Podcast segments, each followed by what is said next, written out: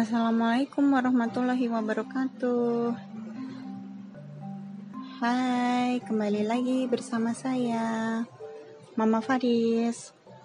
Di podcast kali ini, saya ingin cerita sedikit seputar keseharian saya dan cerita di balik proses uh, proses hijrah saya ya dari awal saya memutuskan untuk memutuskan untuk resign dari pekerjaan dan memilih uh, prioritas membersamai keluarga dan anak-anak.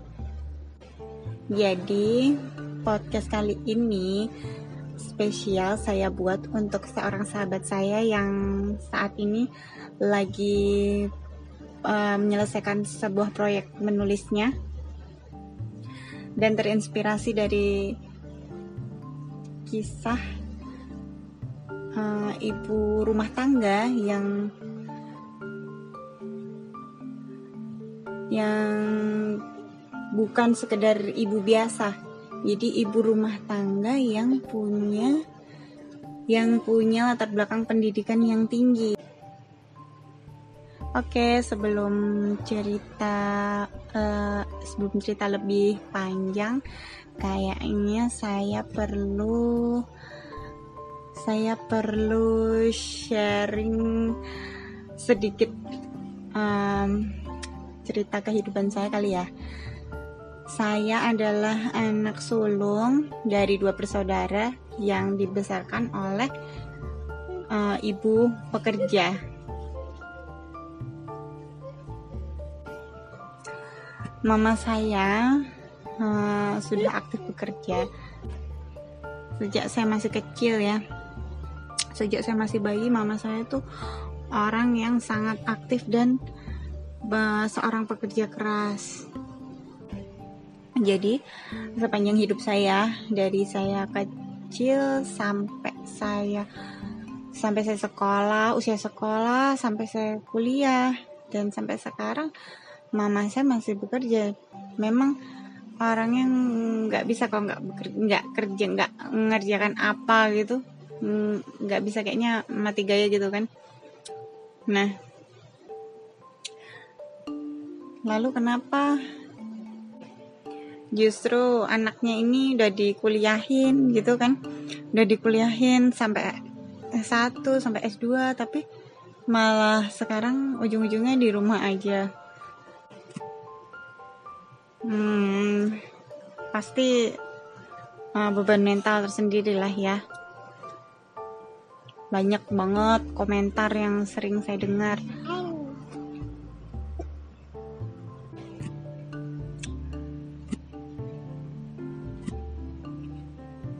Uh, lulusan perguruan tinggi kok cuma di rumah. Susah cari kerja ya. Komentar ini tuh sering banget saya dengar. Apalagi setelah saya pindah profesi jadi ibu rumah tangga atau full time mom. Padahal sebenarnya saya sekolah juga nggak tinggi-tinggi banget kan ya cuman lulusan S2 dalam negeri lagi. Di luar sana banyak banget kan ibu rumah tangga yang bahkan lulusan S3 atau bahkan punya titel profesor ada yang profesinya dokter dan lain-lain. Komentar lain yang sering saya dengar ya sayang ya kerja enak-enak kok ditinggal jadi sekarang di rumah aja ya? Apa kerja itu selalu enak? Ya bisa jadi nggak juga kan sama kayak semua profesi lainnya. Apa pun juga pasti ada enak dan nggak enaknya. Pekerjaan terakhir saya sebagai asisten notaris memang menawarkan gaji yang lumayan tinggi. Terus lingkungan kerja yang menantang menyenangkan ditambah banyak banget pengalaman belajar yang bisa saya dapatkan setiap harinya ya bukan rahasia lagi lah ya. Wanita yang berpendidikan tinggi peng pengen juga punya karir punya cita-cita jadi perempuan yang sukses. Tapi bukannya bukannya saya nggak ingin sukses. Siapa sih yang nggak mau sukses ya kan? Tapi apa itu sukses?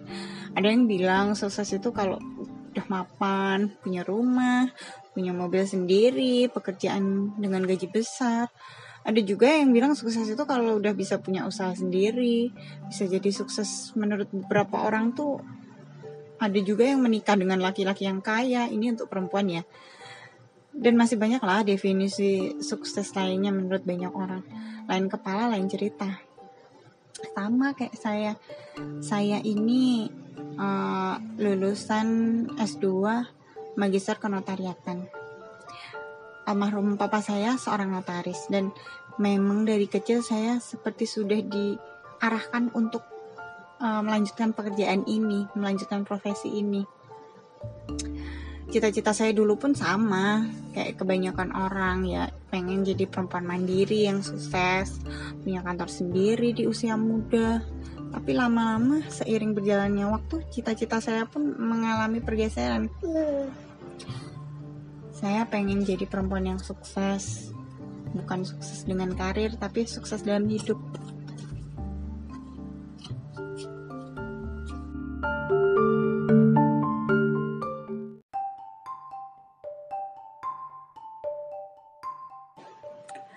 Ketika ditanya oleh sahabat saya gimana sih perasaan saya ketika saya resign dari pekerjaan dan dan tiba-tiba harus masuk dunia baru mengurus anak yang masih bayi mengurus suami di rumah dengan rutinitas baru. Bingung pasti. Jadi waktu uh, resign tuh nggak kebayang gitu kan. Kayaknya ilmu untuk mengurus anak mengurus keluarga nanti harus bagaimana tentang pendidikan anak itu sama sekali nol gitu. Saya benar-benar baru mulai baru mulai untuk belajar. Dan saya nggak tahu harus belajar di mana karena sejak kecil saya nggak pernah dekat sama mama kan. Jadi untuk sharing atau bertanya ke mama tuh uh, rasanya canggung gitu kan. Akhirnya berbekal uh, niat Bismillah gitu semoga Allah memudahkan semua langkah untuk belajar terus memperbaiki diri. Banyak uh, bertanya ke uh, beberapa orang yang lebih ahli ke senior ke teman.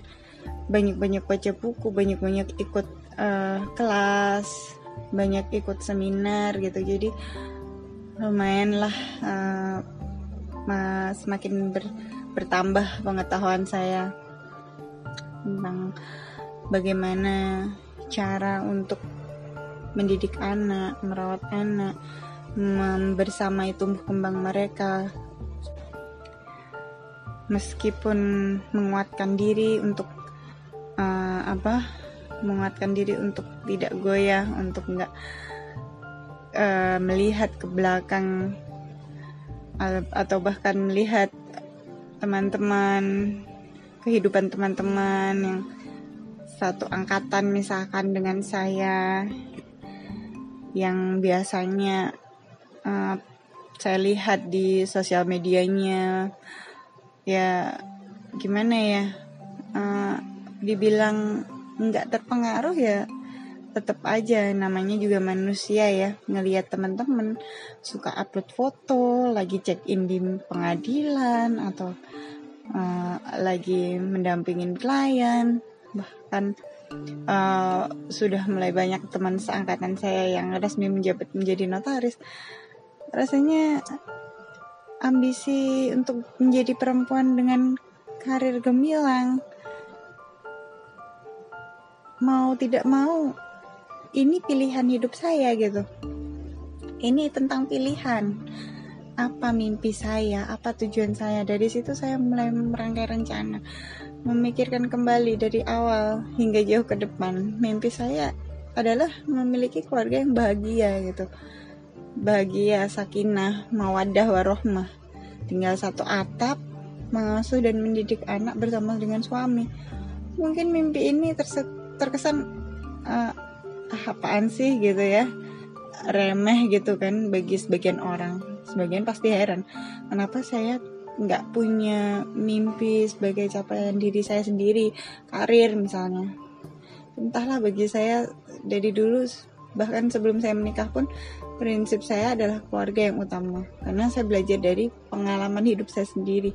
Saya tidak pernah saya tidak pernah punya cukup waktu dan tidak pernah punya bonding yang kuat dengan uh, mama saya utamanya kan.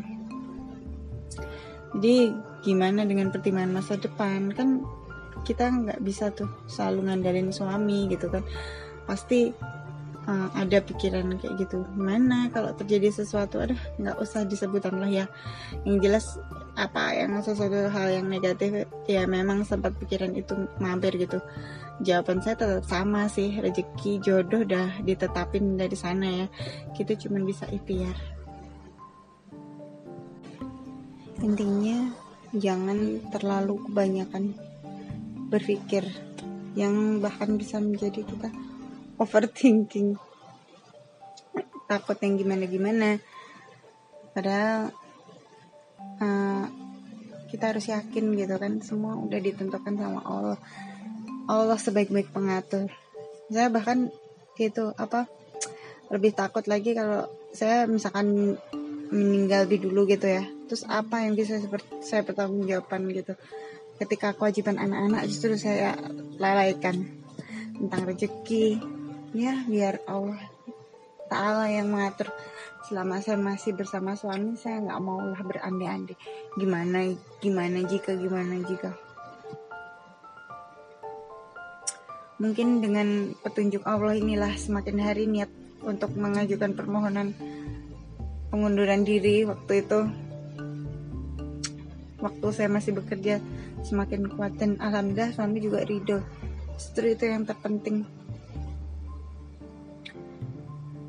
ya jadi walaupun orang tua saya sampai sekarang pun masih kecewa ya mama saya terutama. Tapi saya percaya akan ada jalan. Gitu karena kembali lagi niat awal saya itu untuk anak-anak dan keluarga saya. Tapi kalau misalkan mau ke kantor sendiri kan bisa di rumah ya sambil merawat anak. Kalau lagi kerja kan anak bisa dititip ke asisten. Itu sih komentar yang keluar dari mulut mama saya yang, yang sampai saat ini masih keberatan atas pilihan saya untuk fokus merawat dan mendidik anak terlebih dahulu sebelum mengambil peran di luar rumah. Mungkin anak-anak memang bisa ya saya titipkan ke asisten ketika saya bekerja ketika saya harus keluar rumah. Tapi setiap ibu kan pasti punya pemikiran dan kondisi yang beda-beda. Sebagai ibu kita harus bisa mengenali kondisi diri sendiri dan lingkungan dan tetap mengutamakan anak-anak. Kalau kita pengen tetap jadi ibu pekerja kita juga harus tetap komit untuk merawat anak. Itu yang berat. Apalagi bagi ibu pekerja harus ekstra effort. Anak pikiran dan waktunya pasti lebih banyak terbagi untuk anak belum lagi untuk pekerjaan kantor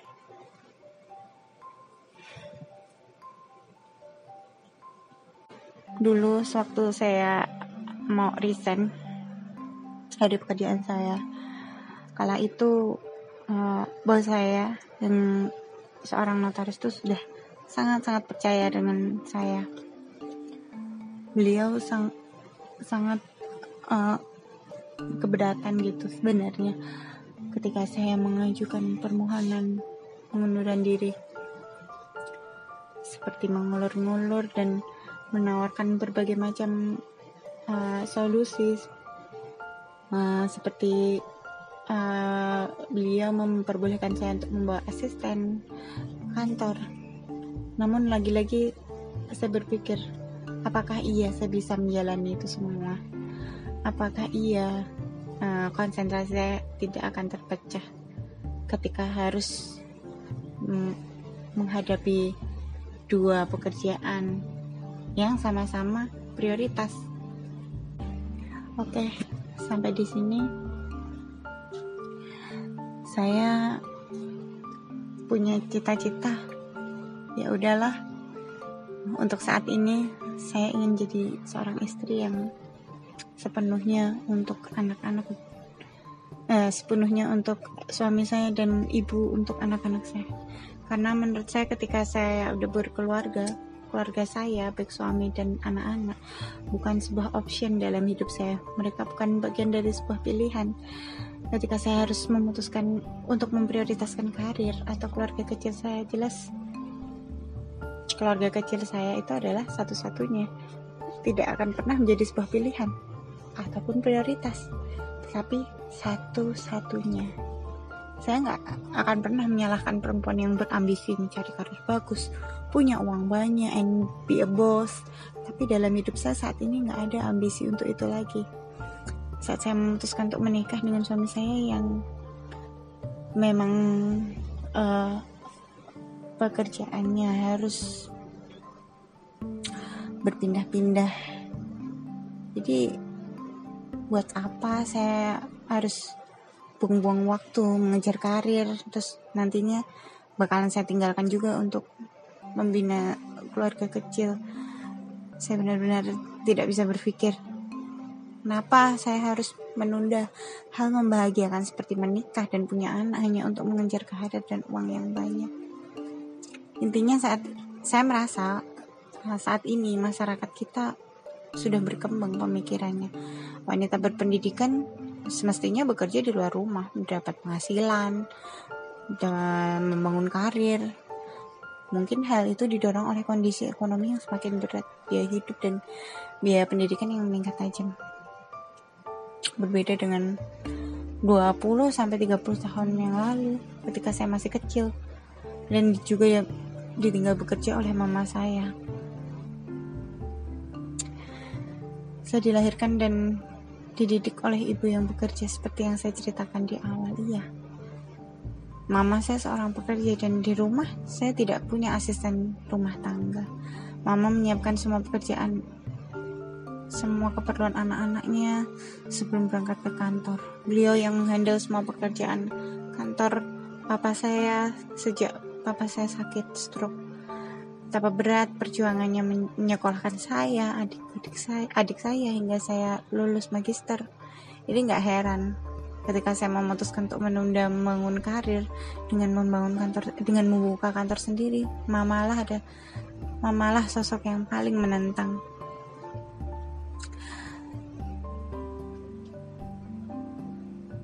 Masih terngiang kata-kata dari, dari mama saya sudah banyak yang mama dan almarhum papa korbankan dalam membesarkan dan menyekolahkan kamu. Lalu sekarang kamu memilih di rumah saja dan tidak menjadi apa-apa. Tanya mama saya dengan penuh kekecewaan. Banyak pertanyaan, pernyataan mama yang sangat memojokkan sehingga membuat saya semakin bimbang ketika harus memutuskan untuk sementara tidak berkarir di luar rumah. Jadi kapan kamu buka kantor, Duk? Lagi-lagi pertanyaan yang sama terlontar dari mulut mama saya. Saya merasa semakin bersalah kepada beliau dengan segala pengorbanannya selama ini, tapi anak-anaknya belum bisa memberikan kebahagiaan apa pun. Tapi saya ingin membuktikan kepada mama saya bahwa saya bisa mendidik anak-anak dan mendampingi suami saya di mana pun dia bertugas. Meskipun menjadi stay at home mom, saya tetap terus belajar. Belajar merajut generasi terbaik, generasi cemerlang. Apakah ibu rumah tangga selalu identik dengan ketidakproduktifan secara finansial?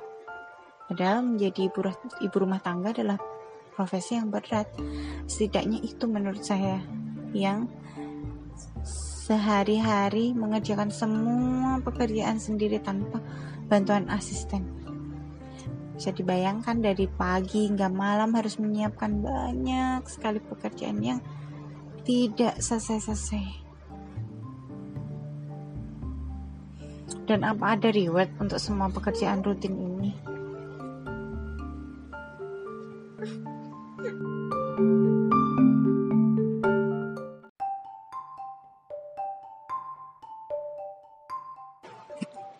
saya tidak mengeluh hanya rasanya nggak adil aja kalau profesi sebagai benteng rumah tangga yang bertanggung jawab atas jiwa-jiwa muda yang berkembang dengan kewajiban menyediakan rumah yang jadi pelabuhan paling nyaman, keluarga dilecehkan dengan kata-kata, oh, cuma jadi ibu rumah tangga. Lagi pula menurut saya ibu rumah tangga atau bukan juga tergantung pilihan dan kesempatan. Gak semua orang loh beruntung bisa mendapat kesempatan yang sesuai dengan pilihannya. Banyak ibu rumah tangga yang terpaksa memilih profesinya karena berbagai keterbatasan. Hidup ini pilihan, memang takdir ditentukan oleh Allah. Dan kita nggak bisa memilih. Dalam hal kelahiran dan kematian kita nggak bisa memilih dari orang tua yang mana kita akan dilahirkan. Kita pun nggak bisa memilih. Tapi kita bisa memilih tujuan hidup kita. Apakah mau hidup bergembira atau bersedih hidup dengan pandangan positif atau negatif hidup dengan penuh optimis atau pesimis kita semua bisa membuat pilihan dan keputusan apakah akan hidup penuh arti atau tanpa arti. Karena hidup adalah sebuah pilihan, terlepas dari kelebihan dan kekurangannya dari pilihan menjadi ibu rumah tangga atau ibu bekerja. Tapi alangkah baiknya jika seorang ibu tahu apa yang menjadi prioritas dalam hidupnya, sehingga mampu memilih dengan bijak. Oleh karena itu, seorang ibu dituntut untuk cerdas. Terlepas dia bekerja atau enggak, karena seorang ibu yang akan menjadi sekolah pertama buat anak-anak mereka. Ya, beruntung buat wanita yang bisa menemukan passion mereka sedini mungkin sehingga bisa mengantisipasi langkah-langkah yang akan mereka ambil kelak dalam rumah tangga. Mungkin dengan mencari pekerjaan kantor yang lebih fleksibel, membuka usaha atau mencari peluang lain yang lebih bisa memaksimalkan waktu bersama keluarga. Kalau punya karir bagus, uang banyak kan nanti masa depan anak bisa lebih baik. Ada loh ungkapan seperti itu yang pernah saya dengar di luar sana. Tapi bagi saya, saya nggak akan mengajarkan anak-anak bagaimana rasanya bahagia ketika kita punya uang banyak. Tetapi saya saat ini berusaha mendidik anak saya untuk bisa mencari kebahagiaan, walaupun kita punya uang hanya tinggal recehan misalnya. Saya nggak mau hidup mumpuni beli ini itu dengan mudah memanjakan anak dengan harta berlimpah tapi saya malah sering keluar rumah anak-anak diasuh asisten rumah tangga dididik pembantu dan justru lebih nyaman dengan pengasuh daripada orang tuanya sendiri dan ini kejadian sama saya. Saya tidak pernah merasa dekat dengan orang tua saya. Asisten rumah tangga yang bekerja di rumah nenek saya adalah satu-satunya tempat curhat yang paling nyaman yang saya punya setelah papa saya. Belajar dari situlah saya semakin mantap menjalani peran sebagai stay at home mom di rumah, merawat dan mendidik anak-anak saya sendiri, mendampingi setiap tumbuh kembang anak saya sampai mereka menemukan fitrah mereka masing-masing. Dan tak lupa saya sangat bahagia dan menikmati peran ini. Saya sangat bersyukur kepada Allah bisa mendapat kesempatan, bisa mendapatkan waktu tanpa harus terbebani dengan pekerjaan di luar. Karena setinggi-tingginya karir seorang perempuan yang paling mulia adalah menjadi seorang istri dan seorang ibu. Tapi ketika keadaan membuat kita dalam posisi ibu pekerja atau ibu rumah tangga, kita wajib berbuat sebaik-baiknya. Karena apa pun yang kita tanam akan kita tuai kelak. Berproses dalam hidup itu nggak sekali nggak juga dua kali.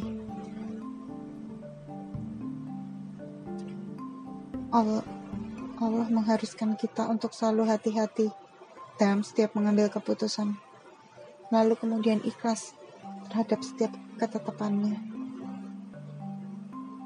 kalau menurut saya ikhlas itu begini kalau kamu merawat kepompong hingga menjadi kupu-kupu, Meskipun kamu tahu bahwa semua yang bersayap pasti akan terbang.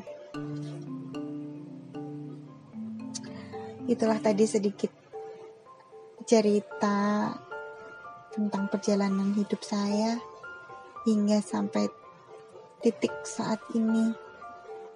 Saya merasa bahagia menjadi seorang ibu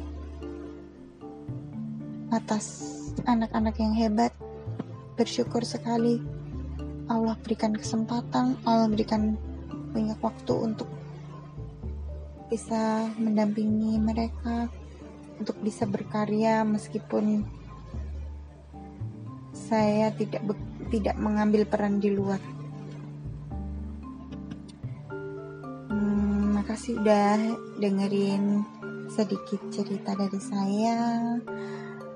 Uh, mudah-mudahan apa yang saya sampaikan ini bermanfaat uh, diambil yang baik-baiknya aja dibuang yang jeleknya mohon maaf kalau ada kata-kata yang uh, tidak berkenan di hati. Wassalamualaikum warahmatullahi wabarakatuh